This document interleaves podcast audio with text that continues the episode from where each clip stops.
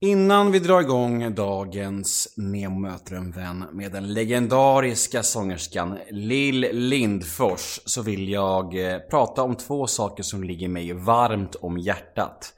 Först och främst så finns min självbiografi nu ute för bokning. Man kan nu beställa den på www.bokus.com. Eh, sök bara på mitt namn där så kommer ni eh, helt enkelt eh, få upp den och då kan ni beställa den. Och då får ni den först av alla när den släpps i slutet på oktober. Och ni får även ett signerat exemplar och kanske till och med en liten hälsning från mig. En personlig hälsning från mig till er. Så in på Bokus hemsida och eh, ja, beställ min självbiografi på en, på en gång. Nu är det på riktigt. Det känns väldigt coolt och lite läskigt och ja, mäktigt som fan. Den andra grejen är ju livepodden som stundar. Eh, Neo möter en vän, firar 200 avsnitt med en stor jubileumskväll på Pet Sounds bar i Stockholm. Det är den 8 september, det är på en lördag och eh, nu kan jag med stolthet presentera kvällens första gäst. Och det blir ingen mindre än Torkel Pettersson, en av Sveriges absolut roligaste människor. Man har kunnat se honom i Torpederna, Jalla Jalla, Kops och mycket annat. Och jag är väldigt glad och stolt över att han ska vara med på eh, livepodden. Jag tror att han kommer kunna göra han kommer bjuda på en jävla show, det är jag helt säker på. Så in på www.biletto.se och eh, boka era biljetter på en gång. De börjar ta slut och ja, det släpps bara 100 biljetter så de går åt. Och jag kommer droppa mer och fler gäster framöver men haffa er biljett på en gång. Det här är en exklusiv kväll som inte kommer släppas som poddavsnitt. Så vill ni ta del av livepodden denna stora jubileumskväll, boka er biljett nu på en gång. Ja, det var väl det. Eh, dagens podd då. Lill Lindfors. Eh, en av våra absolut största sångerskor. En levande legend skulle jag vilja säga. Det kändes jävligt coolt att sätta mig ner med Lill och, och, gå igenom hennes liv. Det kändes verkligen mäktigt. Nästan lite overkligt. Hon är ju liksom en av de tyngsta och Ja, det var lite pirrigt men jag tror det blev bra och jag tror att ni kommer gilla det här och ja Jag hoppas det i alla fall. Jag hade en grymt mysig stund i alla fall. Hon är väldigt, väldigt lätt att tycka om. Jag heter ju Nemo Hedén på alla möjliga tänkbara sociala medier. Så gå gärna in och följ mig lite överallt. Och vill ni stötta podden så gå gärna in och gilla oss på Facebook. Nemo möter en vän heter vi där. Och eh, ja, har någonting att säga mig så skicka mail till nemohedén gmail.com Där kan ni önska poddgäster, kolla läget med mig eller bara skriva något fint. Jag uppskattar alla mail och eh, ja, tycker om när ni hör av er helt enkelt.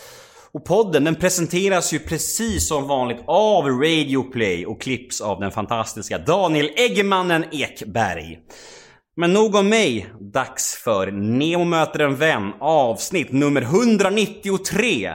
Gäst Lill Lindfors. Rulla gingen. Nemo är en kändis, den största som vi har. Nu ska han snacka med en kändis och göra honom glad. Yeah! Det är Nemo är en kändis, den största som vi har. Nu ska han snacka med en kändis och göra honom glad. Yeah! Nu åker vi! Nu åker vi. Välkommen till Nemo möter en vän, Lill Lindfors. Tack. Hej! Hej. Nu är vi hemma hos dig här Ja. på Gärdet.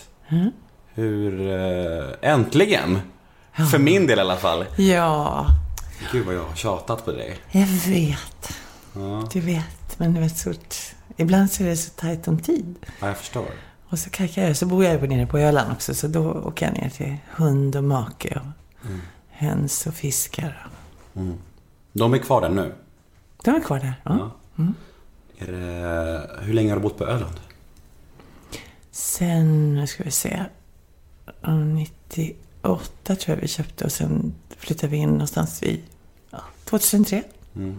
Och rent procentuellt, hur mycket är det på Öland och hur mycket är det i Stockholm? Alltså just rent procentuellt är inte så lätt att svara på. Försök. Ja, kanske... Ja, det är nog lite mindre än... Nej, men, åh, jag måste bara faktiskt tänka efter. Jag är väldigt mycket i Stockholm. Så fort jag ska jobba så är jag är i Stockholm centralt. Sen har jag min dotter och min dotterdotter. Så det, ja, vad ska jag... Kanske att jag är där nere Ja, 60-40 då. 40 Stockholm och 60 Öland. Du ser, du ser glad ut. Du ser välmående ut. Stämmer Jag mår det? jättebra. Ja. Ja. Vad jag vet. Ja. Jag brukar säga så här, man vet inte vad kroppen har för sig. Nej. Gud, sånt där har jag tänkt på mycket. Att det finns en sån här... Det är så många människor som gör såna här helkroppsscanningar nu för tiden. Kostar ju så här 40 000 vad det kostar. Och då kan man ju säga Jag har varit nyfiken på att göra sånt någon gång. Men samtidigt så vill man få veta allt som finns i kroppen. Det är så här. det kan man. Jag är lite kluven inför det alltså. Ja, men jag är också lite kluven inför det. Men jag tror nog att jag skulle vilja veta. Ja. Så att jag kan åtgärda eller vara tidigt på plats. ja.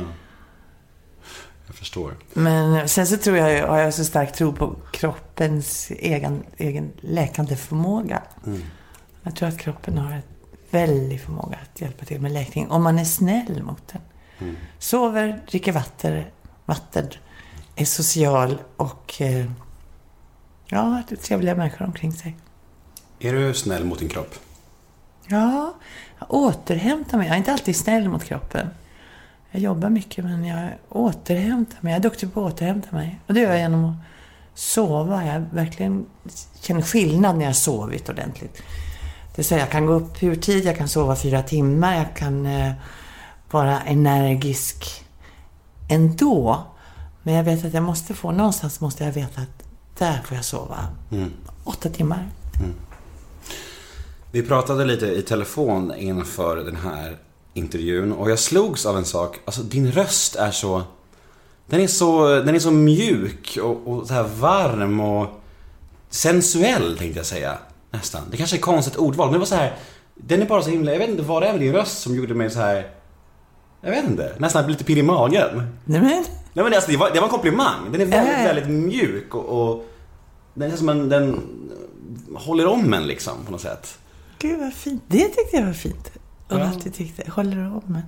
Ja men det var någon känsla jag fick. Nu har jag inte riktigt någon, liksom det kan jag inte riktigt greppa.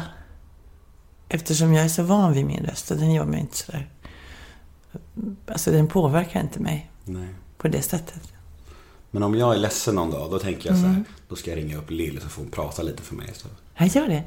Ja, så känner jag mig lugn ja igen. vad bra. Du får jättegärna göra det. Ja, men det ska jag göra. Hur, eh, hur ser dagarna ut just nu då? Vad, vad händer? Just nu så håller jag på att förbereda en föreställning som jag ska göra imorgon. En konsert på Soliden-scenen på Skansen. Tillsammans med ett gäng underbara musiker. Klas Krona, Mats Norrefalk, gitarrist. Johan Granström och, eh, och Johan Lövkrans. Som är underbara musiker som jag har jobbat med ja, under många år. Jag har lite olika grupper som jag jobbar, jobbar tillsammans med. Mats Norrefalk Falk är väl den som jag just nu använder mig mycket, använder mig mycket av. Är inte det snyggt? Jag använder mig av Mats Norrefalk. Låter proffsigt tycker jag. Tycker du? Jag tycker det låter lite egotrippat så här. Men du är ju stjärnan. Ja, jag, Vad tror, alltså, ja, jag tror jag ska använda Mats Norrefalk idag. Och om man inte vet vad han spelar så vet man inte vad jag ska använda honom för. Nej men precis, det, Det- kan det- vara så här människohandel eller låter så lite hemskt. Kanske. Men du är ju också stjärnan så du får ju använda det uttrycket tror jag. Får jag det tror jag? Det tror jag. Men är det Jag lika... kan testa i alla fall. Ja, det tycker jag. Men är det lika, är det lika kul och spännande att sätta upp en, en ny show nu som för liksom 40 år sedan? Jag tycker själva förberedelseprocessen eller den här kreativiteten innan jag står. Jag tycker det är roligt att stå på scenen och möta publiken. Men det finns ibland den här delen där man ska bestämma vad ska jag göra, vad ska jag ha på mig, finns arren, kan du... Alltså det finns en massa praktiska, man talar ju nästan alltid bara om en dag och säger jo den sjätte ska jag vara på Solidenscenen. Och sen är det, vad ska vi göra? Vilka musiker ska jag ha med mig? Vad ska vi... Jag gör ju aldrig ett jag gör ju aldrig ett fastlagt standardprogram egentligen. Jag använder ju mycket av sångerna som jag naturligtvis har gjort tidigare. Men jag försöker lägga upp det så att det blir... Ja, om vi säger imorgon så är det ett sommartema. Eller kanske någonting om eh, ja, akademin eller Bob Dylan som Nobelpristagare som jag har sjungit in en låt av. Jag vill gärna att publiken ska känna att just den föreställning som jag såg, vet du, då gjorde hon så här. Du vill liksom förnya dig på sätt. Jag har förnyat, det händer någonting, också kontakten med publiken. Vänta nu, vad var frågan från början? Det var någonting annat som jag skulle gå in Är det lika på. kul tror jag jag frågade? Nej, jag är inte riktigt. Alltså vissa delar är lustfyllda tycker jag. Det lustfyllda, mest lustfyllda är just publiken som jag nämnde nyss. Och sen mötet med publiken och när det stämmer eller när vi får kontakt. Och sen den här delen när jag sitter med musikerna och eh, mm, kan säga ja, men man skulle kunna göra en, göra en basgång där. Eh, gör du-dum, du-dum, du-du-du-dum, du-du-du-dum. Kan du göra så? Ja, sen är de ju bara underbara och uthålliga och snälla och alltså, musiker som jobbar med artister tycker jag är ett väldigt fantastiskt släkte. För att jag skriver ju inte noter, jag skriver ju inte är. Jag kan läsa noter någorlunda, men, men eh, jag försöker vädja eller ge bilder eller... Men den processen när man sitter, om vi går övergången, försöker hitta dynamik. Ja, men det där, vi kan inte göra den här eh, balladen efter det, för det blir konstigt. Och det blir för många ballader efter varann. Eller, Så det finns ju mycket, eh, många parametrar, parametrar som ska stämma i en föreställning. Men den kreativa delen, den är roligast att hitta på.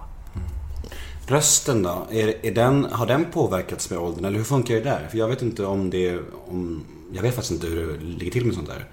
Du, kan du Nej, men det är klart att den påverkas. Så att det, det kopplar till ålder också. Jag lyssnade på när jag var 22 år och spelade in skiva. Så är det, det är skillnad. Och sen får jag ju rösten, det är som med muskler. Rösten är ju, stämbanden är ju muskler också. Så att de är inte lika, inte lika självklart spänstiga som när man är ung. Men det gäller att hålla igång. Och sätta, sätta sig vid pianot. Och, eller jag sätter mig vid pianot och så försöker jag sjunga upp mig. Och ibland, om jag, om jag går, återgår jag till det igen, om jag har sovit, um, återhämtat mig, um, druckit vatten, rört mig, motionerat påverkar ju också rösten, att jag har promenerat. Och det är vad jag gör på Öland. Verkligen långa, långa promenader i rasttakt. Då, det här, allt det här påverkar rösten. Här sov vi fyra timmar så mm, jo, det går med teknik att klara sig men det är inte lika bra som med en fräsch Lindfors som stiger upp ur sängen och har sovit åtta timmar.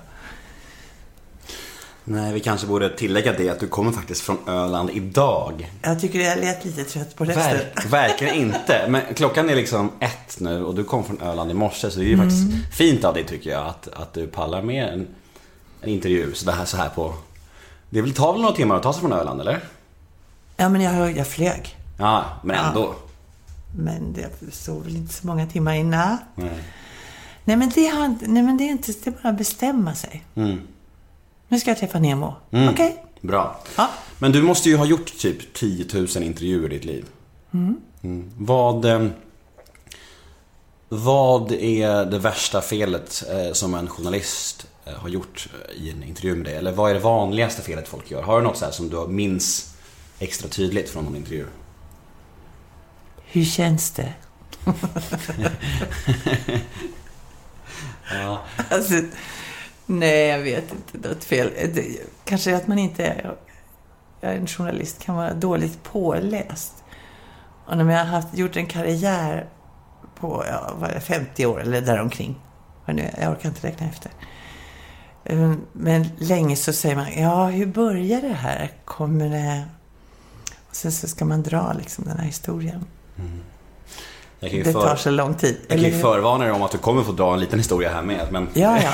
Nej, det är okej. Det är helt okej. Men det är väl det, som jag kan tycka ibland när man gör, ja, ger intervjuer att, eh, att de, eh, eller journalister inte vet och skickar någon som inte vet. Det kan vara intressant också. Nej, jag kan inte peka på något så här riktigt speciellt. Har du sett mig på scenen någon gång? live? Ja. Det är en bra fråga. Eh, Jag... eh, Har du glömt det så har det varit någon större upplevelse, Nej, jag såg, uppenbarligen. jag såg ju Så mycket bättre-säsongen gjorde jag och jag, såg, och jag, jag har sett det på Allsången och flera andra sådana grejer. Men jag, jag försöker tänka om jag har sett det live i publik någon gång. Det tror jag inte. Blir du besviken då? Mm. Ska du lämna rummet nu? Nej, jag tänker att det, jag jobbar så olika på TV så får jag ju bara göra kanske en, en låt. Mm. Möjligen två låtar. Så mycket bättre var jag längre. Då var jag ju med, det var ju flera program som gick i följd. Så det var ju ganska mycket. Men, men liksom framträdandet. Eh, när jag jobbar och gör en konsert så då pratar jag också mycket mer som jag inte gör på TV. Ja, du är ju en gammal lite, lite komiker och revyartist och du har det där i- Jag är lite allt möjligt, Ja, kort precis. sagt. Ja. Men jag funderar på imorgon där på Soliden. kanske ska komma förbi då? Vad, Ja. tror, vad tror du om det? Det tror jag är en bra idé. Mm. Jag har inget imorgon kväll. Vilken tid är det? 19. 19.00 imorgon. Mm, Jag ska kika på det. På riktigt. Det vore faktiskt kul. Ja, jag tänker om du, ska, om du ska ha ett program med mig så kan du... Fast egentligen borde jag sätta dig före då. Ja, före egentligen, ja. intervjun. ja. Nej, nej, men det är inte så, inte så jätteviktigt. Men det, jag tänker ibland på att, att idag så möter jag ju många journalister som aldrig har sett mig live på scenen och vet egentligen inte riktigt vad jag gör. Och jag kanske inte riktigt klar över det själv heller. Men, eh, Men det blir ju en men det utmaning. blir ju prat och kontakten och med publiken och det blir, någon, det blir en annan typ av upplevelse. Jag kan tänka mig det. Vi får se imorgon då. Vi får se. Men ut... jag ska inte bygga upp för stora förväntningar. Jag kommer komma dit bara, nu kommer hon blåsa mig av stolen med sina briljanta spaningar och komiska timing. Och nu blir jag nervös. Nej, du behöver inte komma imorgon. Vi, vi får se. Eh, men det är ju en utmaning att intervjua någon som har gjort så här mycket, många intervjuer. För det blir ju så att jag måste ju någonstans försöka vara lite unik och nyskapande. Så att du inte får frågor som du har fått tusen gånger. Eh, för båda skull liksom. Men har du, har du många grejer som du aldrig snackar om i intervjuer? Och vad skulle det vara i sådana fall? måste jag tänka efter. Men det får inte vara för privat. Det kan vara personligt, men inte för privat. Då tror jag det finns, det finns någon sorts gräns sådär. Mm. Men oftast så är det ju... Även om det skulle vara samma frågor så är det ju också olika personer. Alltså du kan ju ställa samma fråga och eh, sen hänger det på lite hur du tar frågan vidare eller kopplar till något annat. Det händer väl, jag har liksom, nej jag har inte någon uppfattning om att det alltid är samma. Vissa frågor återkommer. Men det är spännande också hur människor, eh, ja vad, vad som, vilka tankar som föds efter svaret. Om man ska kika på din barndom och din uppväxt. Perspektiven till den, har, har de förändrats med åren? Alltså om du, skulle om du tänker på din barndom idag eh, kontra om du tänker på din barndom för 40 år sedan. Förstår du vad jag menar? Har det ändrat din bild av din barndom med åren? Eller är det samma liksom, tankar du har om din uppväxt? Jag har ju en väldigt lycklig uppväxt i stort sett. Jag tror att jag har ett, ett sorgligt, som jag tror, men som jag egentligen inte vet eh, så mycket om. Jag fick en, en jag var ett år, jag är född i maj och jag fick en bror påföljande år som skulle varit tvillingbror. Det vill säga, då är jag ett år när han föds. Eller de skulle ha fötts. De föddes också båda, båda två, men den ena, ena tvillingen dog efter två dagar bara. Och då har jag tänkt mycket på eh, liksom hur det påverkade min anknytning till min mamma. Jag kan bara tänka mig, föreställa mig att det måste ha funnits en stor sorg i familjen. Som jag ju som barn också naturligtvis måste ha känt av. För jag har, jag har i mig ett sort väldigt stort närhetsbehov. Som jag alltid har haft. Jag har alltid varit taig eller...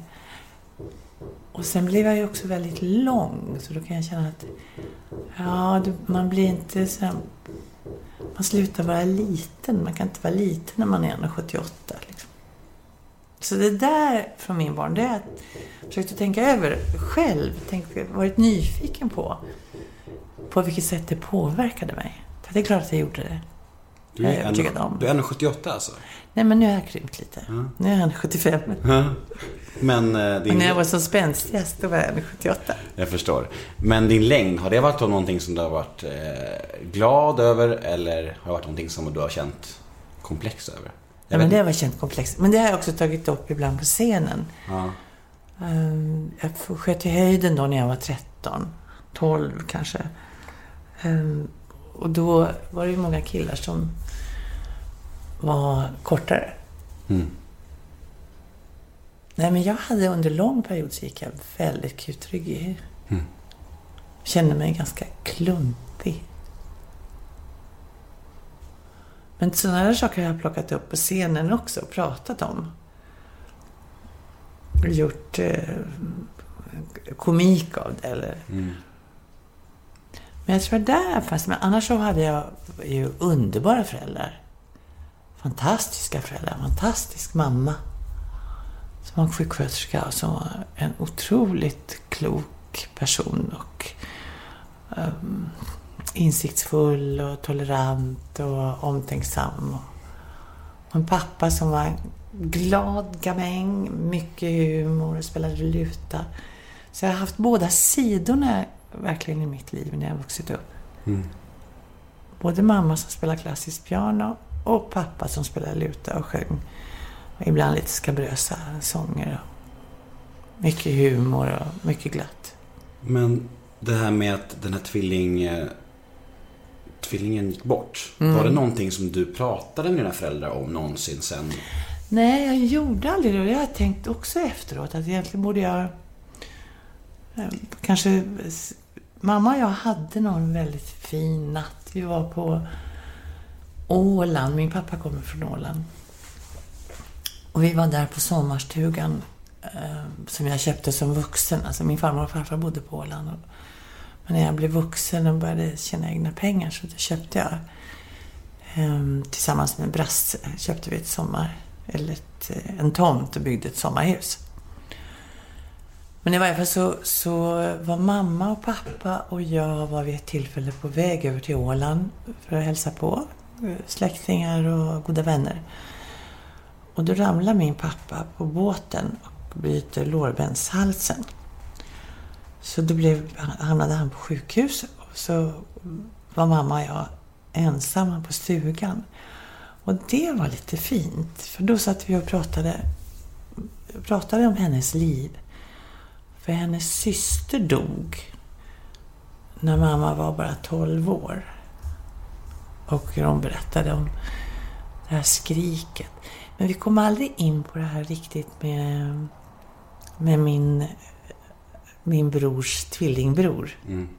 Alltså det har vi faktiskt aldrig pratat igenom. Och den sorgen, så det vet jag ingenting om. Jag kan bara räkna ut och tänka att om man är ett år och eh, mamma har just fått fött två barn och ett av barnen eh, ett av barnen har dött och finns också begravet och skulle heta Klaus. Eh, så tänker jag Alltså det finns något... Jag kan föreställa mig att det finns... Alltså attityden, hon har ju en bebis som hon måste amma och hon har just förlorat ett barn. Och jag är ett år och inte på något sätt vuxen och har inget språk. Jag har inget språk, jag kan inte fråga henne, jag kan inte säga, jag kan peka och vara företagsam. Men det här finns någon sån här... Mm, en liten svart lucka i mitt liv. Alltså den sorgen. Jag kan tänka mig att jag inte... Jag kan föreställa mig att den här anknytningsprocessen, den kan ha blivit lite störd. Men jag är inte säker. Jag vet inte. Nej. Men jag kan föreställa mig, jag försöker tänka mig om, jag hade, om det hade hänt mig. Att man hade, för min mamma var ju var en underbar mamma. Väldigt, väldigt fin, som jag sa tidigare. Men jag tänker ibland när du nu frågade om barndomen, så tänker jag där finns det någonting som eh, kanske ändå har påverkat mig. Vad hände med din eh, mammas syrra? Min mammas syrra. Ja. Sa inte du att hon gick bort när din mamma var 12 år? Ja, just det. Ja. Ja. Vad, får man fråga det? Eller kanske? ja, ja, ja. Nej, nej, nej. Du får fråga vilka frågor som helst. Ja. Du. Det är bara svaret som Ja. kan variera. Jag, eh, hon fick angina pectoris, alltså. ehm, eh, som påverkar hjärtat. Ja, Om det var halsfluss, angina pectoris, ska vi slå upp det direkt? Glömt Ja, det. ja, vi göra det efter. Ja, Eh, eller vill du slå upp det nu? jag för mig att det är... Ja, jag vill slå upp det nu. Mm. Eh, Hur gammal var hon då, syrran? När, när hon fick det? Hon, fick- hon kan ha varit tio år. Okej. Mamma var tolv. Mm. Och då bodde de i Berlin. Jag slår upp det nu här. Mm. Angina Pectoris, PEC. pectoris, här har vi det. Eh, det står så här då. Angina pectoris är eh, kärlkramp. Eller angina pectoris är anfallsvis uppträdande bröstsmärtor som varar upp till 15 minuter och beror på minskad blodförsörjning till hjärtmuskeln. Anfallen utlöses av ansträngning eller starka känslomässiga, ja, och så vidare. Ja, Ja. men jag tänkte att det kan, hon kan ha haft eh, någon barnsjukdom Mm. som sen ledde till eh, angina pectoris. Att det var det anledningen att hjärtat gav upp. Mm. Jag tror att det var så, jag har i bakhuvudet här, att hon hade fick eh, svårartad, alltså halsfluss och som sen påverkade. Men bortsett från Ja.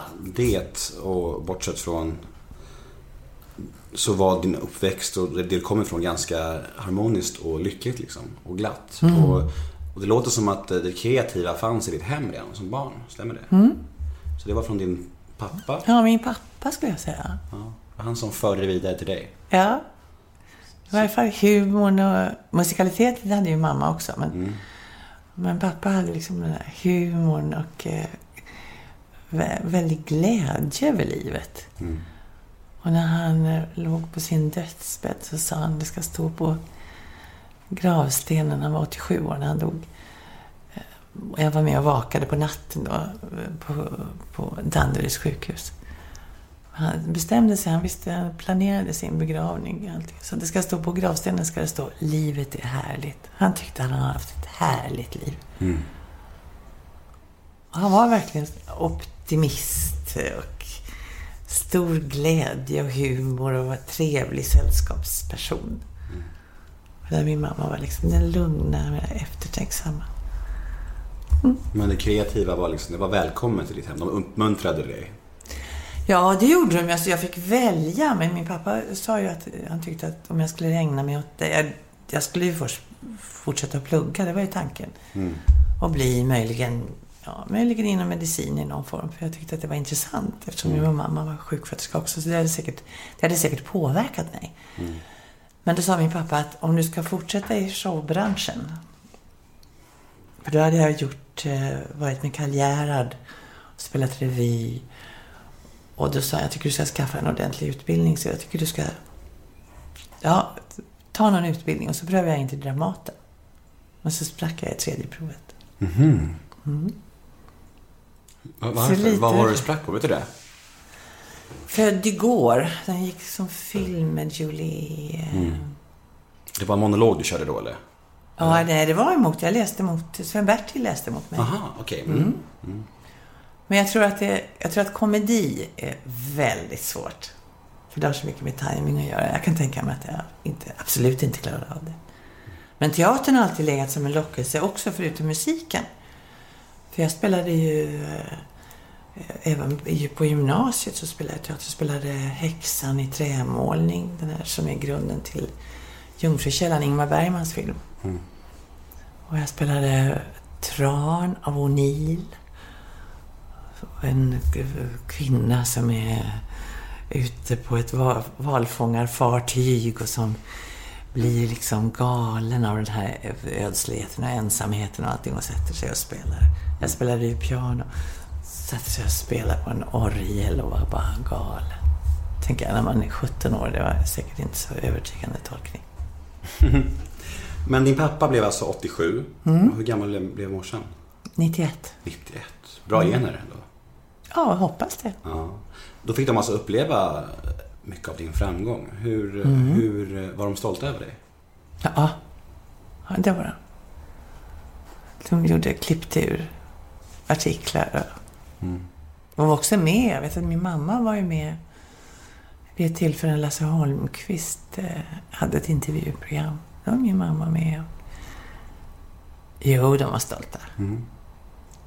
Fint. Ja, det är fint.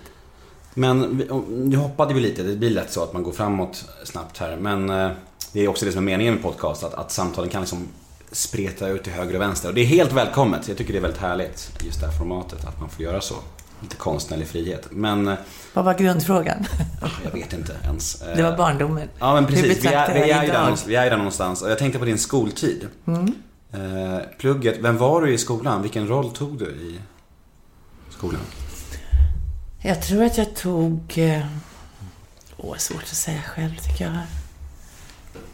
Men jag var ju... Jag hade bra betyg, jag hade lätt för att lära. Jag hade bra minne. Jag kunde läsa läxan ja, på väg till skolan. Men jag hade lyckan att gå på Viggbyholmsskolan som var en internatskola. Jag gick inte på internatet för att vi bodde i närheten i Näsby Park. Så att jag cyklade upp till skolan. Men det innebar också att det fanns väldigt, mycket, väldigt många aktiviteter på skolan. Alltså Man kunde gå med i en orkester och det var teater och det var, ibland så var det maskerad. Det var överhuvudtaget eh, väldigt... Jag, jag är så glad för det var en period i mitt liv som jag aldrig skulle tala illa om. Det är så många som tycker åh, det var så hopplöst med skolan. Men det här var, var så kul. Och där gick... Eh, nej, det behöver inte gå in på förresten. Fan, nu kom det där, nu kom det där privata ändå. Nej, det var inte privat. Det var bara, det var bara ointressant eller? Ja, det var det. Jag, kom, jag bara tänkte plötsligt associerade jag med det som har varit så aktuellt nu med, med Sara Danius. Ja. Så hade jag ju hennes pappa som lärare. Ah, Som heter Lars Danius. jag är ju god vän med Anna Wahlgren. Är det? Ja. Ja, hon gick ju på Viggan. Ja, Ja. eh, min, min Men hon är ju yngre än jag. Ja, några, att, år, några år. Hon, Ja. Vad är hon? Hon är väl 60 och... Vad är hon nu? ja, men det var det. Fyllde inte hon 70 nu? Eller något Jo, precis. Jo. Ja. Hon har varit med i den här podden också. Så hon kom precis eh, till Viggan, eller hon började då, tror jag, året innan jag slutade. Mm, du ser. Anna är eh, min morsas eh, typ bästa kompis. Det? Ja, så jag tar ju varje chans jag får att eh, dra ett svärd för Anna Wahlgren. För jag försvarar gärna henne mot all skit hon har fått. Bra. Tycker om Anna mycket. Bra. Och hon fick även chansen att vara med här i podden och, och prata om allt. Så jag tycker om henne mycket.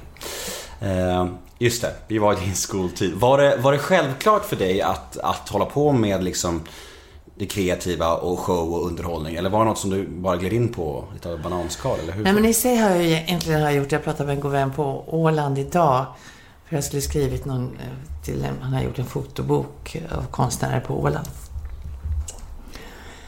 Men den här kreativa, alltså sceniska, men det här har jag fått från min pappa vet jag. Jag menar redan i avslutningen på simskolan, jag vet inte hur gammal jag var, sex kanske, sju. Eller något sånt där, så uppträdde jag. Så jag har egentligen uppträtt hela mitt liv. Men att det skulle bli ett yrke. Det är min telefon som ringer. Undrar om du Vill ska dra den på ljudlöst kanske? Går det? Vad sa du? Undrar om du kan sätta den på ljudlöst? Ska det funka? Absolut. Ja, du får gärna gör göra jag det det. nu. Det är Och så gör vi om det här. Ja, eller så tar vi med det. Det är okej. Jag brukar faktiskt ta med sånt där för att det är kul. Ja, Det blir, det- det blir autentiskt då. Ja, det blir det. Ja, Överraskande tillvaro. Det är fint. Nu fick jag in autentiskt också i en mening. Jaha. Lite namedropping. Lite bara, Det var för att Ebbot ringde. du vet. Ja, Tina Lin också här som ringde, som har ringt tidigare. Nu stänger jag av den. Ljudlös räcker om du vill. Gör det? Ja, absolut. Självklart. Men den burrar lite så jag lägger den ifrån. Ja. Jag tror att det var Tommy Körbergs telefon som ringde så här. På riktigt alltså 15 gånger under podden. Han vägrade sätta på ljudlös. Jag, jag vet inte, det var alltså han, jag, jag, vågade, jag vågade inte riktigt, riktigt säga det heller. Jag vet inte, jag tror jag sa det en gång och sen, sen vågade jag inte säga det igen. Ja, det det var det. Vart var vi Var någonstans? var vi någonstans? Ska vi, ta, vi backar då. Ja, vart var vi? Vi pratade... Vi pratade om min karriär. Ja, det gjorde vi. Och du sa att du hade snackat med någon vän på Åland om någonting idag. Nej, men jag pratade, ja, inte nej men, utan jag talade med en, en eh, god vän på Åland. Och så, så skulle jag skriva liksom någon biografi i en fotobok som han håller på att jobba med. Marcus Boman heter han. Och där jag kände att jag inte hunnit få ihop det där, för det var så mycket omkring mig med en massa annat. Men då tänkte jag att jag egentligen så började jag, när min karriär började ju på Åland, på simskolan. Det vill säga när jag var, ja vad kan jag ha varit då? Jag var ganska tidig. Jag tror jag tänker sex, eller ja, någonstans sex till åtta år. Så uppträdde jag redan då, så det här har funnits med egentligen hela mitt liv. Och jag har stått och sjungit för, eh, för gäster när mamma och pappa haft fest. Eller, um, och så har jag spelat eh, teater redan ja, när jag gick i, eh, i stan, så Statens Normalskola och så mycket på Viggbyholmsskolan. Men att jag skulle ägna mig åt det som ett yrke, det fanns inte riktigt med. Utan jag skulle ju Eh, fortsätta att plugga och se, samla poäng på eh, högskolan. Eh, så jag skrev in mig, men det fanns ju med teaterintresset fanns ju med, så jag skrev in mig på engelska och teaterhistoria för att läsa. Och så tänkte jag, ja, får jag se sen. Jag, jag läste ju, jag gick latin först och sen nyspråkliga. Så jag hade ju franska, tyska, spanska, engelska. För det, det var jag också road av. Så det fanns lite de här olika benen att stå på. Men, men eh, finns det något ögonblick eller någon slags något tillfälle där du liksom bestämde dig för att nej nu, nu står vi, nu ställer vi oss helt på det kreativa benet. Alltså någon slags, jag vet inte, genombrott. Där du kände så här, fan jag kommer, jag, nu händer det liksom. Nej, men alltså, nej, jag skulle inte säga så, beskriva det så. Därför att det, jag pluggade och så spelade jag studentrevy naturligtvis. Och så kom Hagge Geigert och så fick jag spela en nyårsrevy på Hagge Geigert. tänkte jag, men då tar jag med mig engelska och eh, teaterhistoria. Kan jag läsa det under tiden om det blir någon ledig tid. På dagarna då när man har kommit igång med revyn. Och det var nyårsrevy så det var en ganska kort period.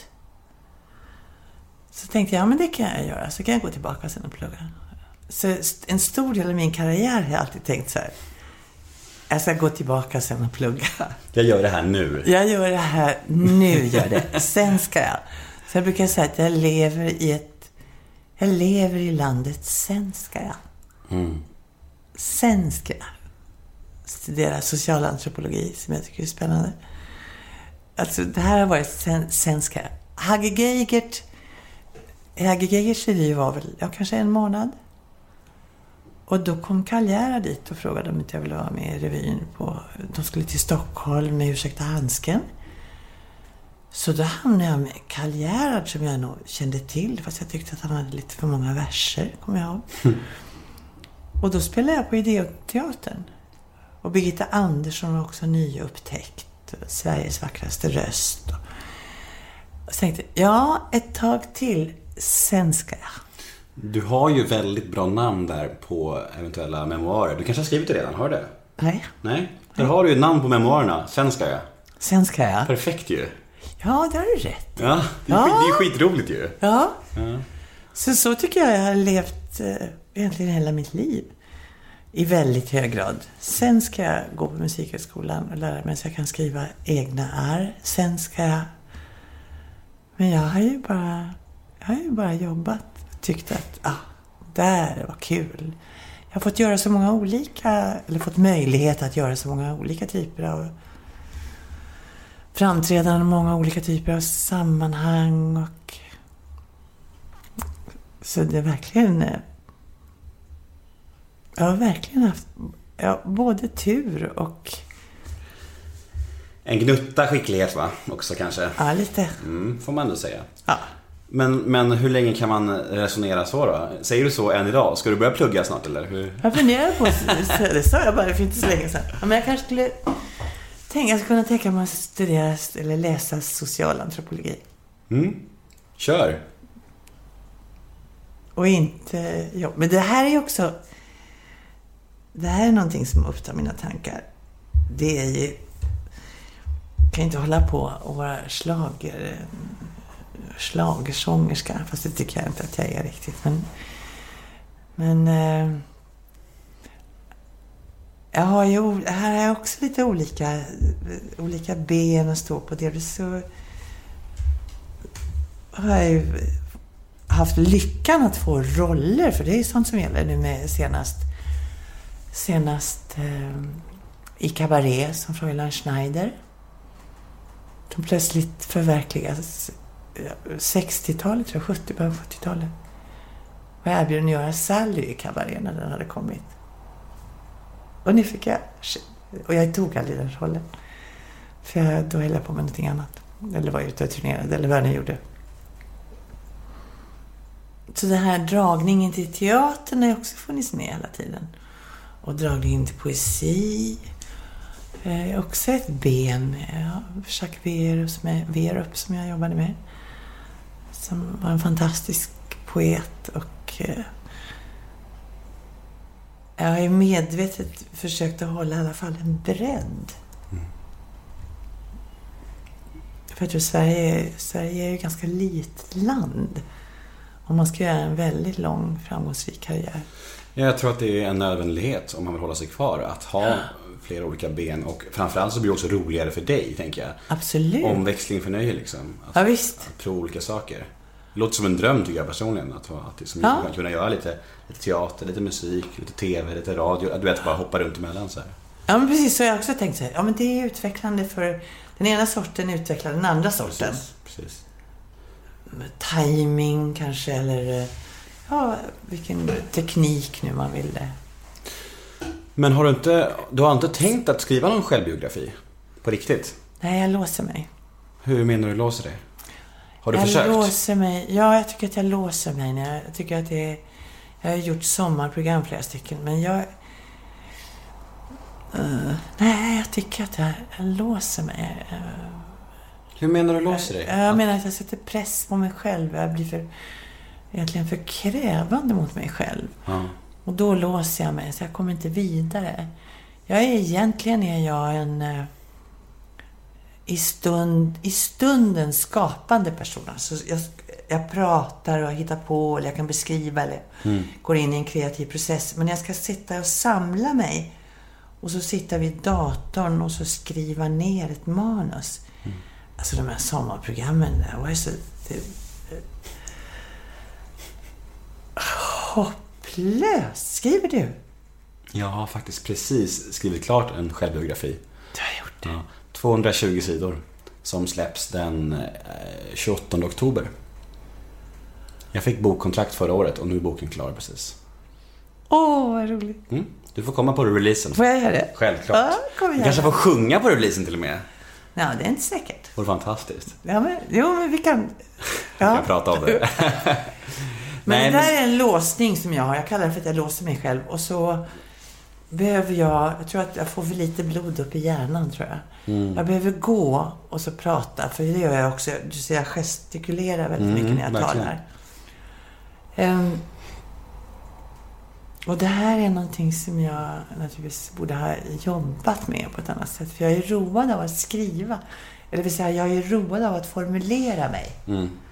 Men när jag sitter och ska formulera mig och då har det tekniskt, när jag inte kan gesti- gestikulera med händerna, utan måste hålla mig till tangenterna. Mm. Och så tittar jag så skriver jag om och så suddar jag och så tar jag bort den meningen och så tycker jag, nej men där finns en bättre formulering. Mm. Men det tar, tar evigheter och jag tycker att jag låser mig för mycket. Mm. Så egentligen ska jag ju berätta eller prata med någon och bara prata fritt. Och berätta. Eller, ja, alltså skriv berätta menar jag då. Formulera. Eller också har jag inte tilltron till att jag kan tillräckligt bra. Du kanske får be någon annan skriva den åt dig. kommer jag aldrig att göra, men det Nej. kanske är någon som frågar. Får vi, Vi får, se. vi får se. Vi får se. Ehm, Man förknippar ju dig med några låtar som är väldigt mycket du. Du är den enda, jag tycker inte om dig. De här klassikerna liksom, som har funnits med alla år. Kan du personligen känna att när du kör live att du är liksom less på dem? Eller är det bara kul att köra dem där för att det liksom alla kan dem och sådär? Eller hur känner du inför dem där? Jag lägger nästan aldrig in dem i mitt program. Det är så? En sån kar eller om jag inte kopplar det till som en kommentar. Ja. Men jag kan tänka, jag ska jobba med Ebbot, kommer med imorgon, så tänker jag, jag kanske ska göra en sån kar när han är klar liksom, med sina låtar. Så lägger jag in en sån kar. Så att den blir en kommentar på någonting. Eller jag har en monolog. eh, Så kan jag lägga in dem. Men alltså, eh, jag kan nog, jag längtar, jag längtar inte efter de där vanliga manjebyrån. Jag kan ju se det som en humorist och jag gör dem. Om man önskar höra dem. Men, men eh, jag lägger inte in dem i programmet. Men är det för att du inte tycker de är rele- relevanta eller för att du är trött på dem eller vad är det för anledning? Ja, fast jag längtar nog lite mer efter... Om vi jämför... eh, Vi säger så här, vi säger Trubbel som exempel. Mm. Ola Adolfssons Trubbel. Mm. Som är så fantastisk att få göra på scen, att gestalta. Mm. För jag, samtidigt som jag sjunger sången så gestaltar jag ju henne, hon som gör berättelsen. Och han.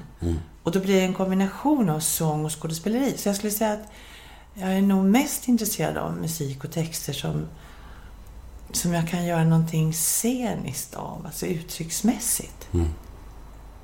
Jag menar, musik ska byggas upp av glädje. Ja, men det är jättetrevligt och härlig låt och så. Och ro, roligt att göra. Men, men om jag... eh, men då kan jag ta...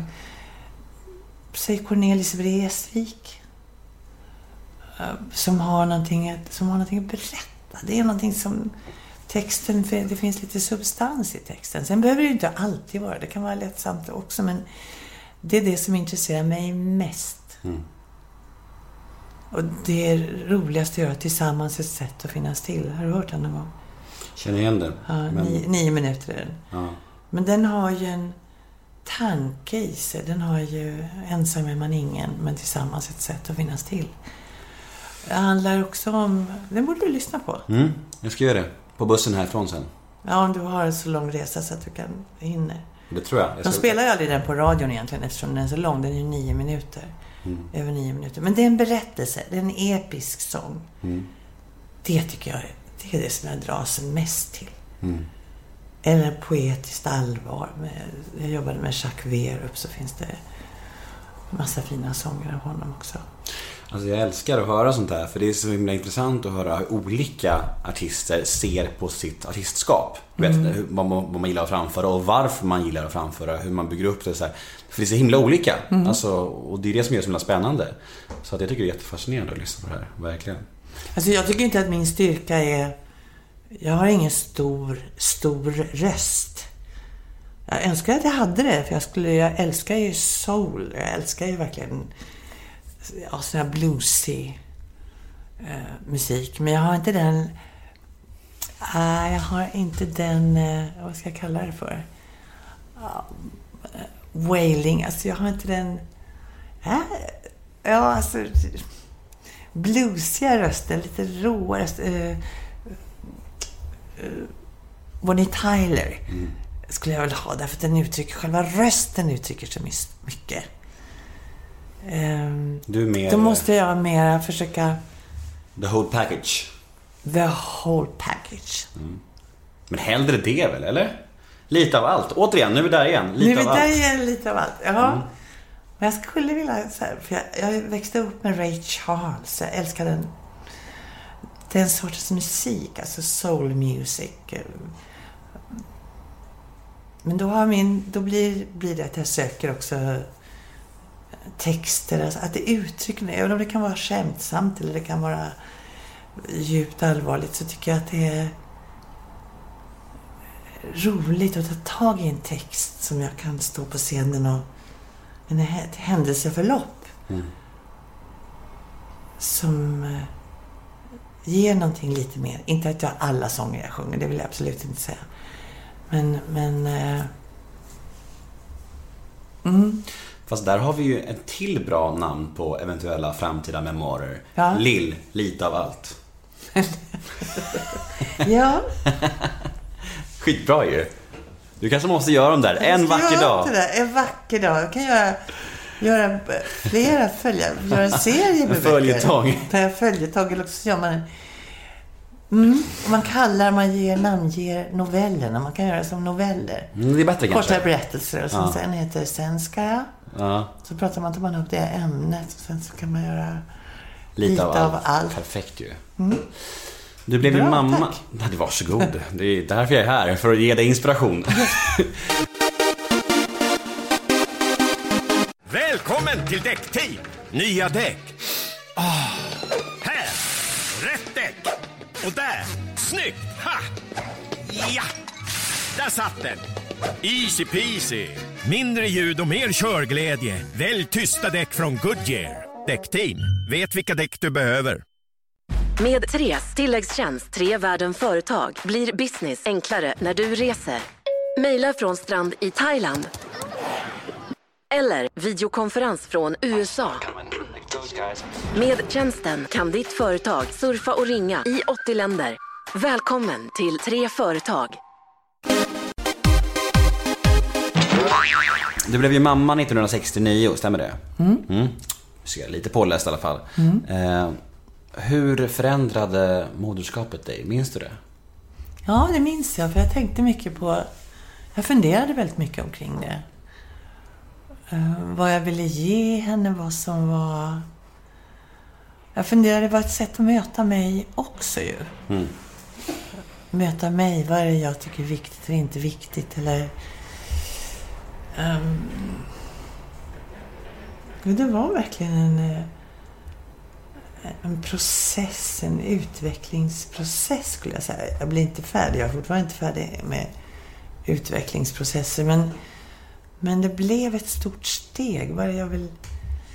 Jag vill ju naturligtvis göra henne till en stark, eh, självmedveten, harmonisk flicka. Men jag tror att... Jag tror inte jag lyckades så här helt. Det vill säga, jag tror att jag jobbade mycket.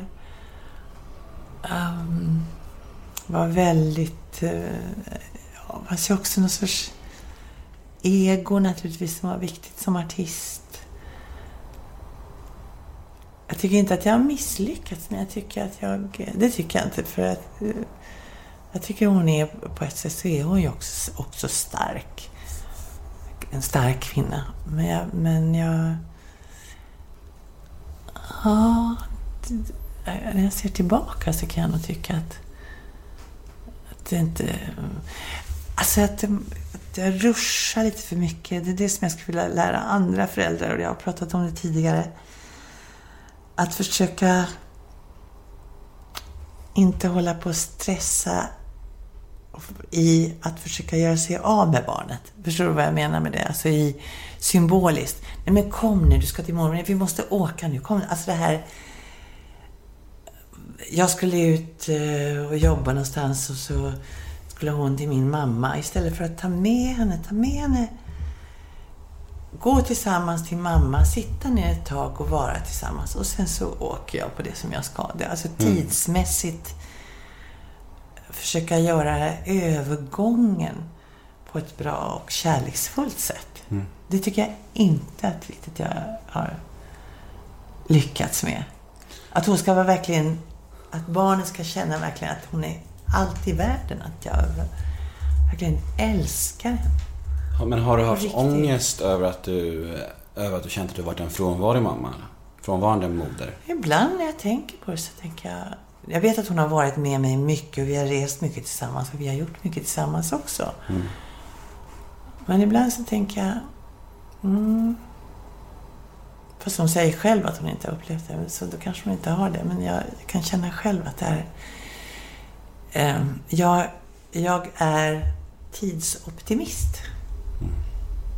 Vilket i sin tur innebär att jag tycker att jag säkert har tio minuter kvar.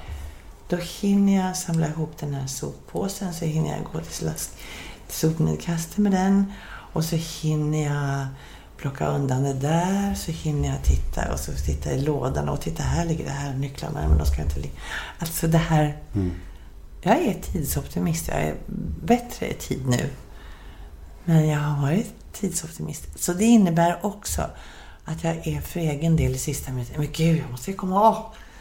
Vad har jag lagt? Eh... Nej, jag ska, ska jag ha den blusen? Nej, jag ska inte ha den blusen. Nej, jag ska inte ha den. Den ska jag inte ha. Och så hamnar jag lätt... Hjälp, klockan nu. Oj! Oj, oj, oj! Nej, åh, oh, nu går oh, tåget. Jag har aldrig missat ett flyg. Och jag har aldrig missat tåg heller. Men det har inneburit också att det har varit sista minuten och stressen. Och det tror jag att jag nog har utsatt henne för. Har du någon gång sörjt att eh, du inte fick fler barn? Jag hade gärna velat ha en kille. Mm. Jag tycker jag hade tyckt det var fint att ha en flicka och en pojke. Varför blev det inte fler? För det var karriären. Mm. Den var viktigare. Ja, man får ju liksom göra sina val. Man gör sina val. så är det verkligen. Och det är också... Ja. Du levde ju med en annan eh, stor legend, eh, Brasse Brännström, i 11 år va? Mm. Hur, var, hur träffades ni och hur var den relationen? För man har ju hört... Vi jobbade tillsammans Ja, på Berns. Jag engagerade Magnus Härenstam och Brasse till en Berns föreställning som jag gjorde. Så träffades vi. Då var jag ju gift. oj. Lurigt. Ja, det var lurigt. Så hade en affär alltså? Nej, det blev aldrig det innan. det hade du visst det. Det tror jag. Försök inte. Det är så men många år. Det preskri- det är preskriberat. Det är preskriberat Lill. Det är okej. Du kan säga det. Ja, men det bara blev inte... Nej, men då ska jag vara alldeles rakspråk och säga att jag ville... Vi låg inte med varandra. Nej, jag förstår. Så där var jag moraliskt högtstående, så att det var inte nej. Men ni kysstes? Men vi kysstes. Ja, det är klart, då är det en affär. Mm. I, I låsen. Backstage. Var det någon som såg det? Det, är, det är preskriberat, du behöver inte oroa dig. jag tror ingen som bryr sig nu idag. Men eh, hur var han då? Alltså, man har ju hört så många historier om Brasse och, och du vet så här lite myter kanske man ska säga till och med. Att det här med hans scenskräck och att han var ganska knepig och speciell. Och hur var han som man och upplevde du de här scenskräcksgrejerna eller var det före det kom och så här? Ja, vi levde nog före, men han var ju inte så road av offentligheten egentligen. Han var ganska blyg. Men han var eh, alltså, blixtrande snabb i huvudet. Och kunde vara väldigt rolig och väldigt kreativ. Alltså, för han, man kunde uppfatta honom också som en slarver. Och jag tror att Magnus Härenstam uppfattade nog Brasse lite som en slarver ibland. Uttryckte det också. Men Brasse var väldigt, på ett sätt, också väldigt ordningsam. Och kreativ och, och också eh, estet. Sen hade han ju i, eh, alltså i botten hade han ju en, eh, ja, en ångest. Han kunde, Ett mörker? det är ett mörker skulle jag det, är bättre uttryckt. Ja. Hur kunde det ta sig uttryck i det, det som du uppmärksammade liksom? Eh, Alltså kunde vara lite hängig och lite bitter kunde bli, men det kanske var lite senare. Man kunde också uttrycka sig lite. Mm. När han blev väldigt, lite, ja alltså lite, lite bitter sådär.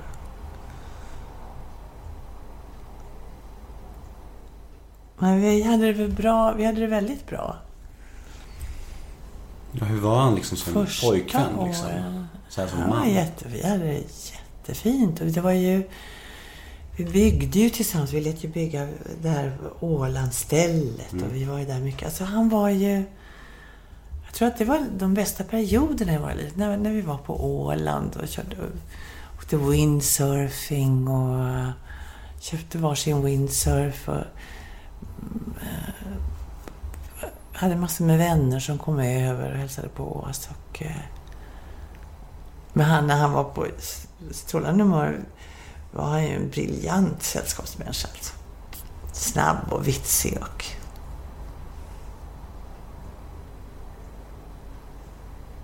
Mm. Det är lite härligt när man pratar om någon. Man känner, sen kommer man ju bara ihåg de bra, alla bra sidor. Mm, men det är fint det. Jag tror, Ja. man, jag tror det är därför att det blir så lätt när folk, när folk går bort så då hyllar alltid alla den människan. Och det är ju helt, det är så det, ska, så det ska vara såklart. Men det är också fint att vi människor är konstruerade på det sättet att, att vi minns de bra grejerna. Det är väldigt fint. Men det är härligt, för jag kan säga när jag träffar min, alltså Petronellas pappa, Peter Wester, som jag var gift med eh, några år, som jag, väl- ja, vi var kanske tillsammans i fyra eller fem år. Så kan jag också förstå och se honom och glädjas åt och veta precis, se precis vad jag föll för när jag blev förälskad i honom. Fint. Och det tycker jag är härligt, när vi ses och det är också, och hans humor. Så det där tycker jag är det säger jag till mitt barnbarn då. Som nu är 13 år. Så säger jag, jag blir så förtjust i morfar. Får hon fråga vad ja. Så det, det är en härlig känsla. Verkligen. Och jag känner, ja, jag känner ju fortfarande en stor, ja, en sorts kärlek till honom också. Ömhet och... Ja, jag skulle gärna umgås med honom mer. Det är inte för sent. Nej, det är inte det. Nej. Nej. Brasse gick ju bort för några år sedan och även eh, Magnus. Magnus. Och nu nyligen gick Lill-Babs bort också. Som också är en gammal branschkollega till dig. Eh, hur, eh, hur tänker du kring sånt här? Att folk börjar liksom försvinna och trilla av pinn. Alltså, hur påverkar det dig? Vad, Påverkar mig på olika sätt. Påverkar mig först när det händer. Så är det ju en stor sorg och det känns overkligt eftersom de här personerna som du just nämnde har funnits i hela mitt liv. Och levt. Eh, sen har man ju olika relationer till olika människor. Men... Eh, och det är klart att det påminner mig om också min, min egen död. Men jag måste ju vänja mig vid tanken att det här är ju generationsfråga också. Försöka... Alltså det går i vågor tycker jag. Ibland kommer det över mig. eh, Saknaden efter Brasse och eh, eh efter eh, Magnus och det här Barbro tycker jag var så konstigt. Jag pratade med henne kanske några veckor bara innan hon gick bort. Alltså, så overkligt. Tänker att... Eh, nu borde jag ju passa på att säga till människor som har varit betydelsefulla för mig att säga att de har varit en del av mitt liv. Att hinna med det och säga, säga bara, tala om. Vet du, du har varit betydelsefull i mitt liv och är en stor del av mitt liv. För ibland när människor går bort så, poff, så känner du att oj, jag skulle vilja tala om hur mycket jag tyckte om honom eller henne.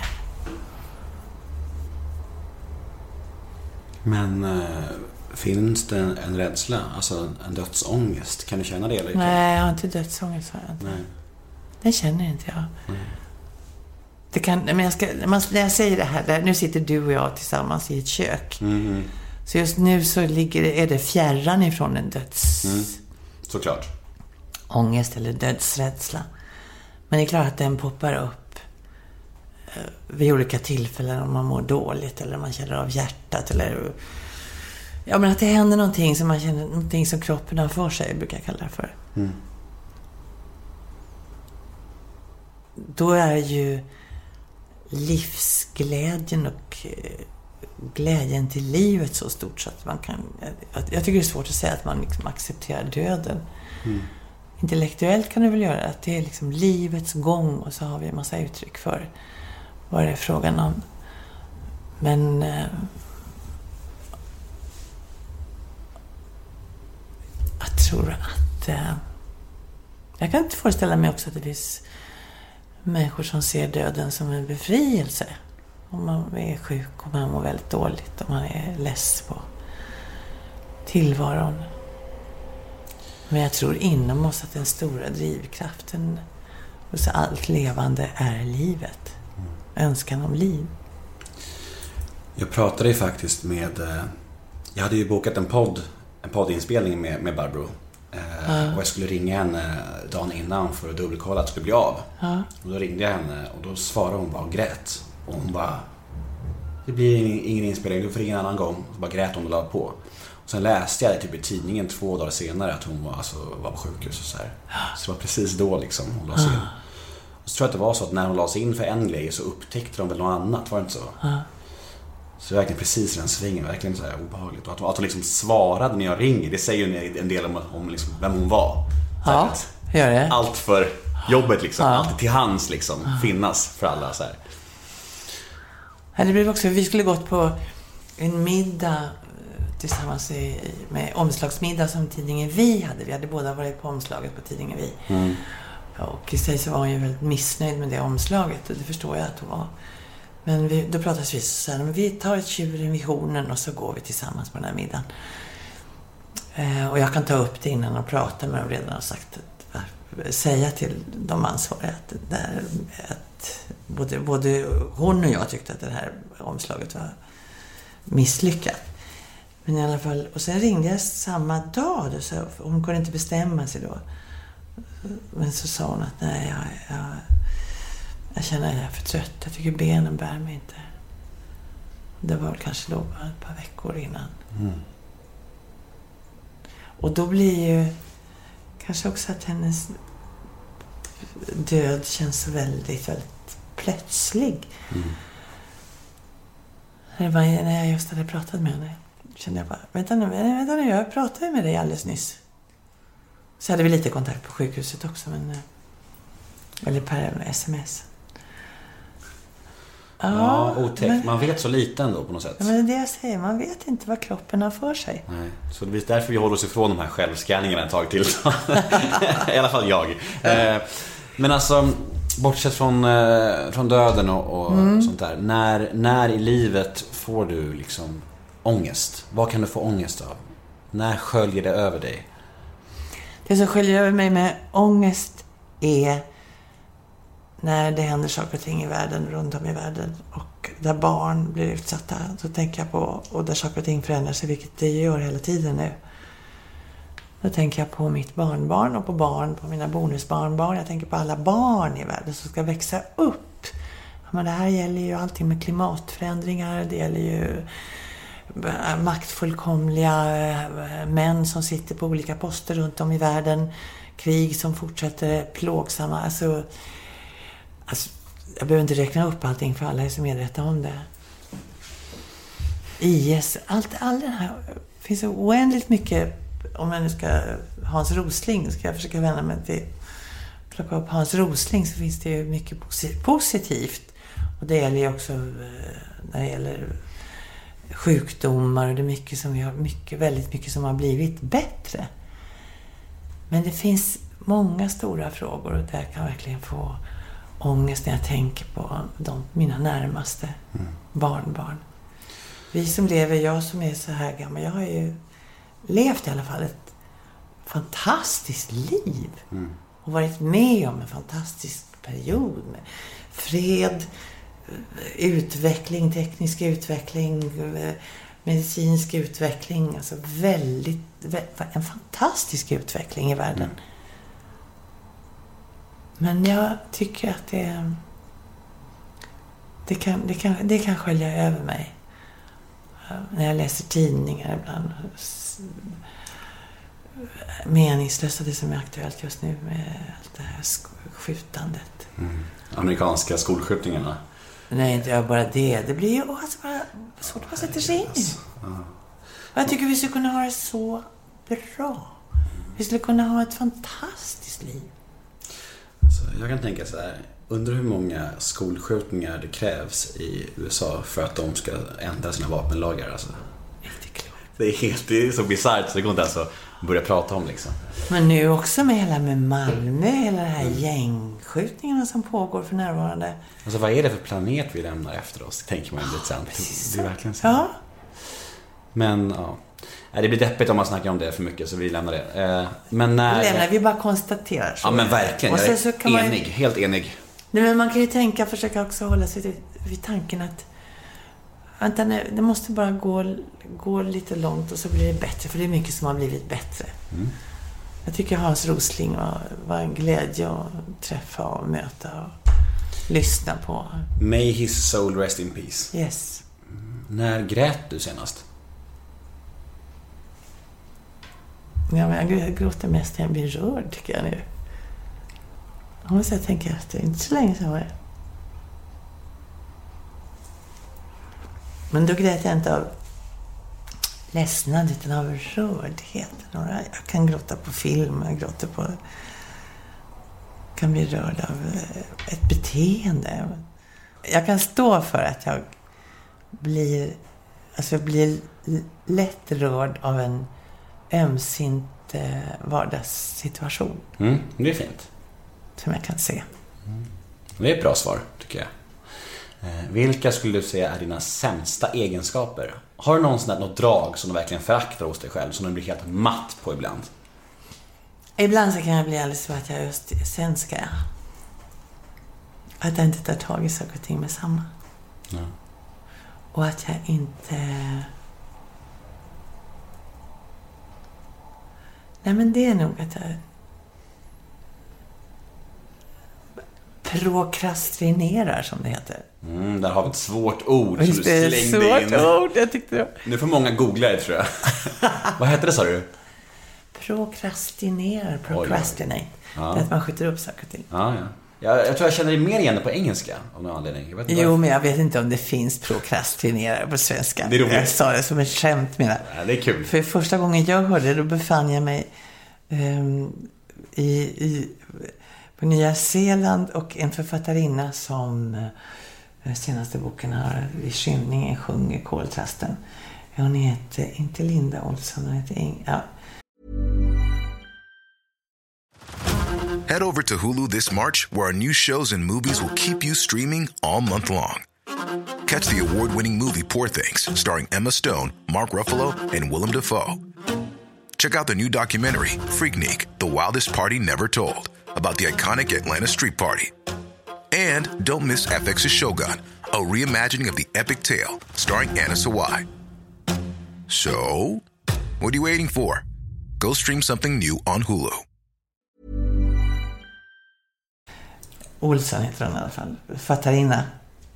Och då berättade hon, beskrev hon, när hon ska skriva hur hon skjuter upp hela tiden. Skjuter upp, sa hon. Och hon sa prokrastinerar. Och jag fattade inte vad hon menade överhuvudtaget. Så då lärde jag mig ett nytt ord. Men procrastinate, jag tror inte det, jag har aldrig hört någon, eller aldrig, men det finns inte på svenska tror jag. Vi kan slå upp det någon dag. Det kan vi göra. Mm. Eh, Jag har ett litet segment som heter sex snabba. Det går ut på att jag säger sex lite snabbare frågor. Du ska Mm. svara lite snabbare bara, helt enkelt. Inga långa utdragna svar, helt enkelt. Säg. Dyraste ägodel?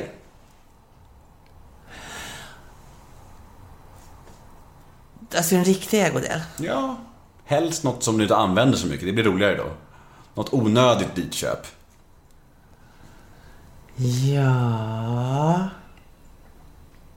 Du får stanna av det där ett tag. Jag måste bara tänka faktiskt. Du, det, jag, jag kommer Jag inte klippa. inte Du får, du får tjata om det, men det kommer inte bli någon klippning här. Nej men det ser jag ska, för att det var häromdagen som jag tänkte såhär, gud vad det här var dyrt. Dyraste jag har. Och helt onödigt. Men jag- just det kommer jag inte på det. Jag är så koncentrerad på att vi sitter och pratar. Mm, det kan ha varit, det är väl något dyra högklackade skor som jag inte kommer att gå i. Funkar. Vad missbrukar du? Äppelmust.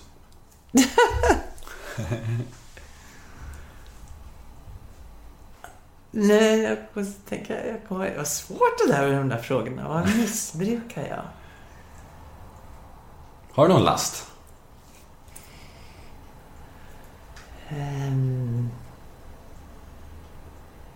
alltså mat tycker jag är lastigt. Jag, jag gillar god mat, men det är inte missbruka Nej. mat. Det liksom är... Eh, jag kan missbruka Och äta socker till kaffet men jag äter inte så mycket godis eller något sånt där. Alltså, Ja, du behöver du, du, du kanske är sund, vad vet jag? jag kanske är ganska, ganska sund. Jag ringer dig sen och så Men vi får ta nästa då. talar om... eh, Vad gör du när ingen ser? Ja, jag vill alla människor peta mig i näsan eller något sånt där. Antar jag. Vidrigaste du gjort mot en annan människa?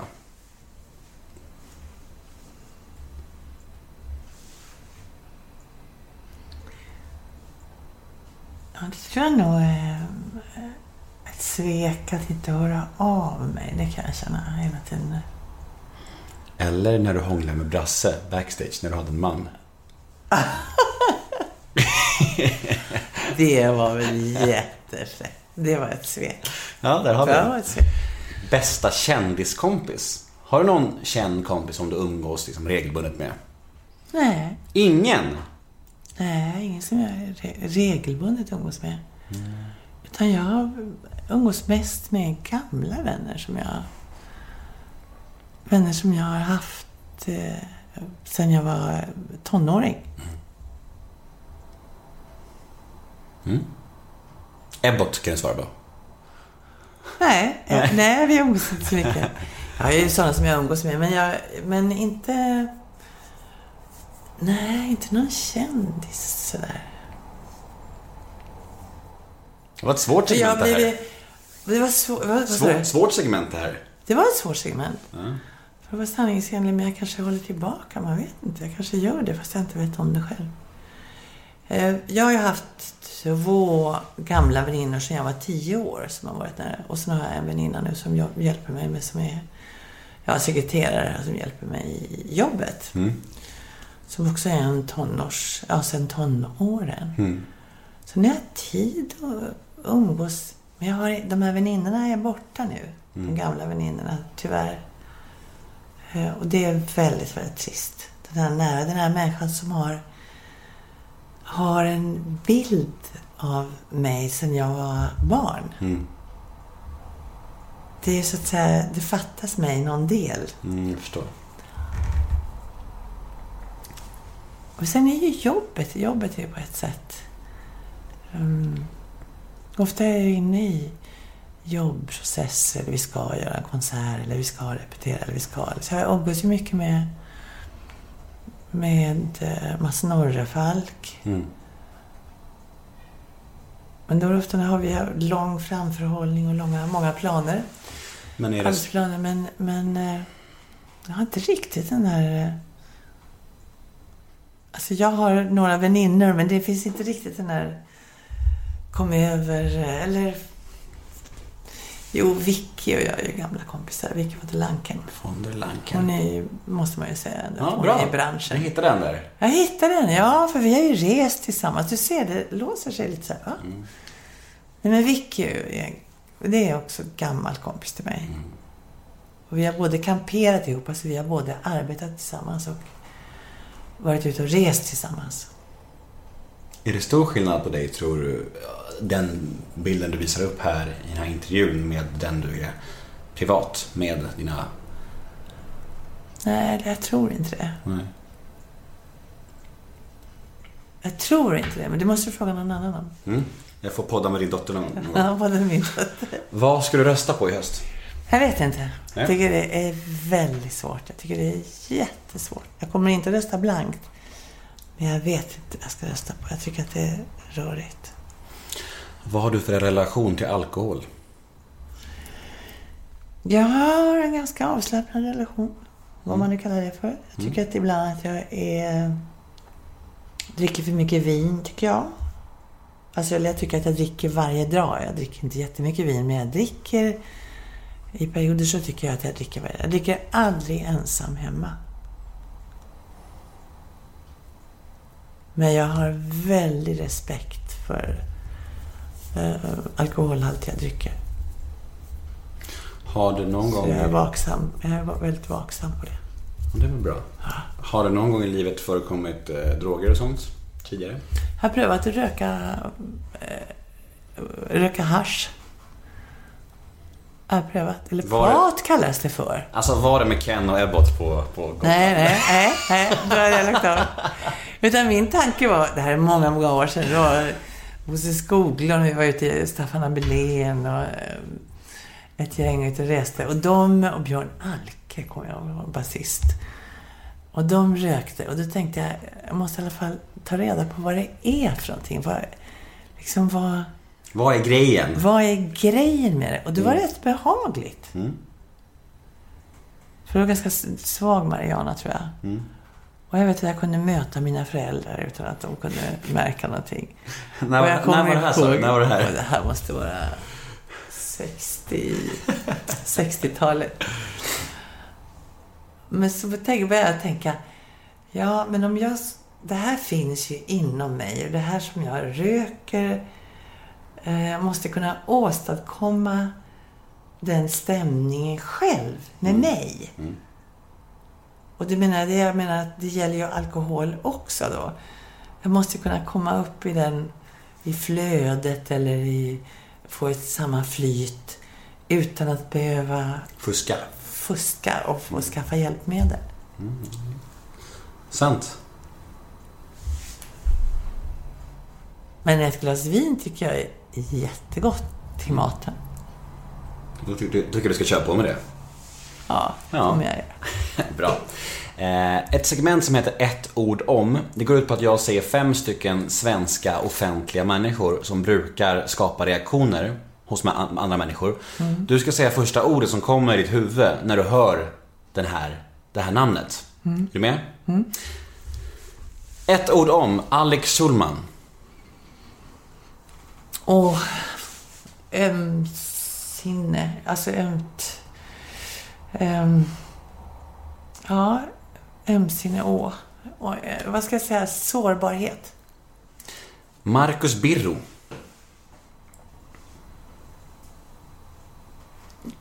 Till och från, tycker jag. Sara Larsson. Tuff, ung tjej. Rak. Ett ord. Ett, ett ord om, sa jag. Jaha.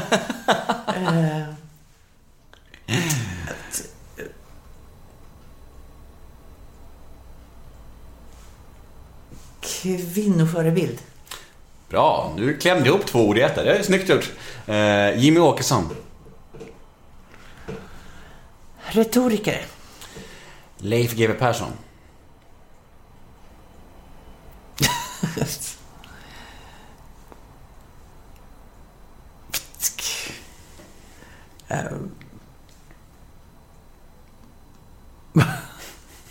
Svårt. Inte min typ. Nej, det är... Säg det då. Ja, men det blir flera ord. Ja. Inte min typ. Har du ett ord för honom? Svårt alltså. Ja, rörande skulle jag säga. Rörande? Ja, det blir något rörande. Alltså, det... Rörigt menar du? Ja. Ja, rörande, det är fint ju. Åh, rör, jag blir rörd. Ja, rörande är fint. Som att man blir rörd, men det blir jag inte av honom. Ja, Men, Du blir bara rörig av honom. men jag bara... Ja, det är som det... det...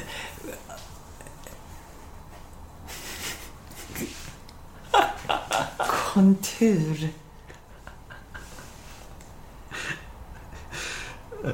Konturlöst. Alltså kontur... Han, jag får inte ihop honom. Kontur. Konturlös är ju ett jävligt kul ord alltså. Ja, han är, Han är lös i konturerna. Alltså. Ja, det är jättebra. Bra Dill. Avslutningsvis så ska vi beta av sex stycken lyssnarmail. Eh, sen är vi klara. Mm, är du med? Ja. Mm. Hej Lill!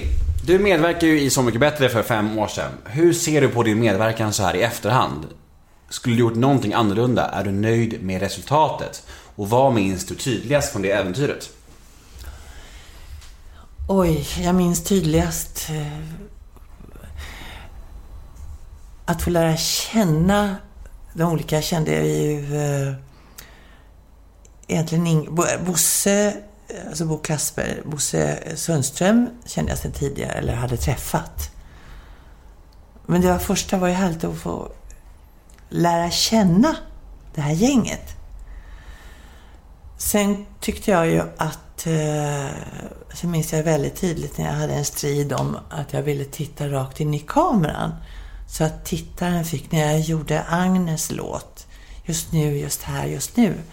Så var en tolkning som jag hade, jag hade skrivit om den till svenska. Och då ville jag titta eh, in i kameran. Alltså jag är ju artist. Jag ville tolka den här texten. Just nu, just här, just nu kan allting hända just nu. För att de människor som satt utanför, ja, vid TVn skulle känna att jag kanske riktar mig till, till dem. De kunde ta till sig det här. Då ville de att jag skulle titta på Agnes. Och då kände jag, vad ska jag titta på Agnes? i den här sången. Det har ingenting. Jag är ju van att tolka sången och rikta mig till publiken. Men jag minns så väl att jag sa, kan jag inte få titta in i kameran? Nej, du ska titta på Agnes. Ja, jaha. Sen fuskade jag lite. det är bra. Men jag tycker det är det som tillhör mitt jobb. Att tolka en sång och eh, rikta mig till publiken oavsett om den sitter... Om det inte är en pjäs eller någonting annat. Men, men i det här fallet. Så kanske sitter någon alldeles ensam och kan låtsas att det är just honom eller henne jag riktar mig till. I TV. Det finns ju en sekvens från den säsongen som är något av det mest obekväma som jag har sett i Så mycket bättres historia. Jag tror det är när Ken tolkar Ulf Dagebys låt. Och han har gjort om den helt, så Ulf känner inte ens igen det. Alltså det är liksom inte hans låt. Och jag tror Ulf, man ser det på Ulf. Han är bara så här. Det där var inte min låt. Det är så jävla awkward alltså. Kommer du ihåg den sekvensen? Minns Jag kommer inte ihåg. Jag kan rekommendera alla att kolla på YouTube för det är så jävla obekvämt alltså. Ligger det ute? Ja, det är Ute? hemskt. Det är plågsamt alltså. Och man ser precis på Ulf då. Jag kommer Ja, ja, han bara, han bara, "Ja, det där var bra men det är ju inte min låt. Liksom. Han säger det också? Ja, ja, ja. ja. Ah. ja det är jättehemskt. Nej, men annars var det ju väldigt, väldigt roligt att eh, ja, att lära känna delvis att jag kände inte till Kens musik, jag kände inte till Ebbots musik, eh, vad heter gruppen? Hette, Soundtrack, Soundtrack of our our lives. lives. Eh, Så det här att få ge sig in i det här, så jag vet inte, vad, vad kan jag ta till mig? Vad kan jag göra? Kan jag förändra någonting? Och då tyckte jag, jag var så glad att jag hittade Pass Through Fear. Som jag hade egentligen någon annan historia än vad jag tänkte mig det. Men eh, nej, jag tyckte det var, var spännande och roligt och eh, bra stämning. Ja. Och, och det blir också en skön knuff i karriären, inte så? Eller?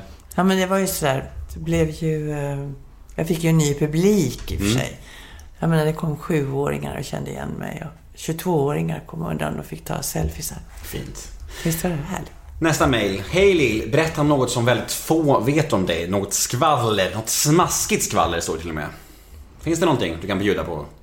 Nej, jag har- jag har bjudit på något så jag har gjort det genom årens lopp. Ja. Men det finns inte något nytt. Nej. Det är bara lugnt och stilla nu.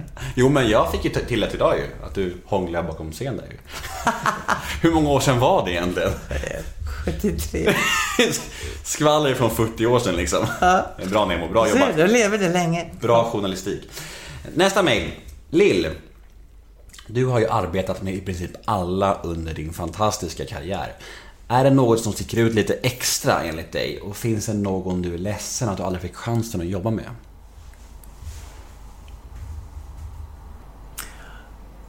Oj, det är, det en stor fråga. Det ska vara en svensk artist. Jag aldrig fick jobba. inte. Är det något... Jag bara, det som dök upp just nu var Bryn Terfel. Han är operasångare. Han är från Wales. Och är eh, operasångare, men är så otroligt charmig och fantastisk sångare. Och jag kommer ihåg att jag hade gärna jobbat med honom, fått jobba med honom för Cis, istället för Sissela Kyrkjebø. De gjorde, de gjorde Porgy, eller Porgy and Bess sjöng de tillsammans. Jag tänkte, åh, tänk om jag hade fått göra det. Och eh, finns det någonting som sticker ut som du känner att var extra häftigt att ha fått göra under karriären? Något, något samarbete som var liksom wow, tänk att jag gör det här just nu liksom. Tycker jag. Och och Hammo och Malmö symfoniorkester. Det var första gången som eh, jag jobbade med eh, symfoniorkester. Och Anders Ekdahl hade skrivit fina ärr Och eh, orkestern tyckte väl inte att det var så... Liksom kommer in någon popsångerska här och ska sjunga med oss. Popsnöre. Popsnöre. Ja. Och det här var ju väldigt, det, det såg man ju väldigt tydligt också, hela deras attityd. Det här är länge sedan. Men så sa Oko Kammo, vi gjorde en Other Side Away, som är I know a dark secluded place, a place where no one knows your face. Och då tyckte de spelade om det här rätt sådär, ja, ja, rätt så här. Ja, ja, vi, vi tar det här. Så upplevde jag det. Och då sa Oko Kammo, det ska vara som en finsk tango med passion och med stor känsla. Skitbra ju. Nästa mejl. Eh, Hej Lill. Var det din idé att du skulle tappa kjolen under Eurovision? Ja, det var min idé att tappa kjolen under Eurovision. Men jag hade gjort ett liknande nummer tidigare i en föreställning på Hamburger Börs. Eller på Börsen som det heter numera. Så dansade jag med Emilio Ingrosso. Som eh, alltså pappa till Pernilla Wahlgren. Nej, till Bianca. Inte till Pernilla Wahlgren, utan pappa till Bianca Pernillas, Ingrosso. ex, Pernillas ex alltså?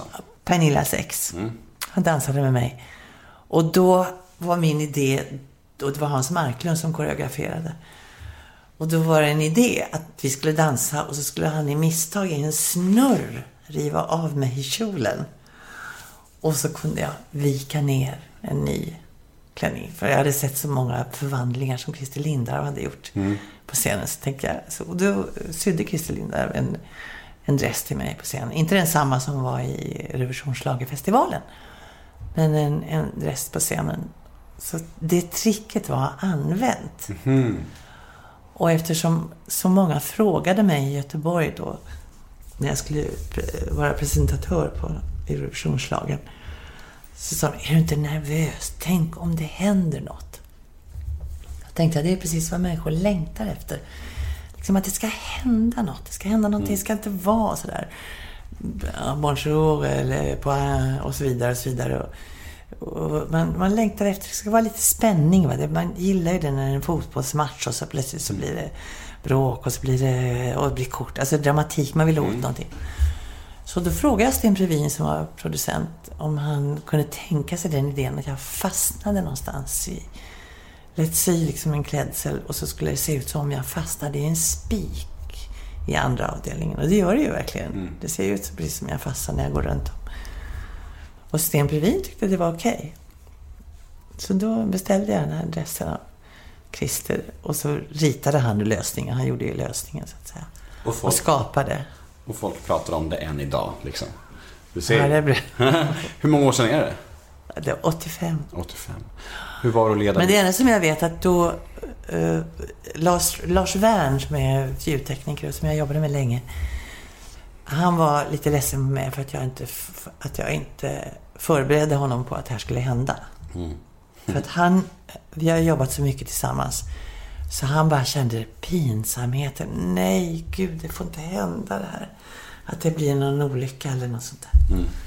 Så han var, det förstår jag. Jag hade glömt bort det.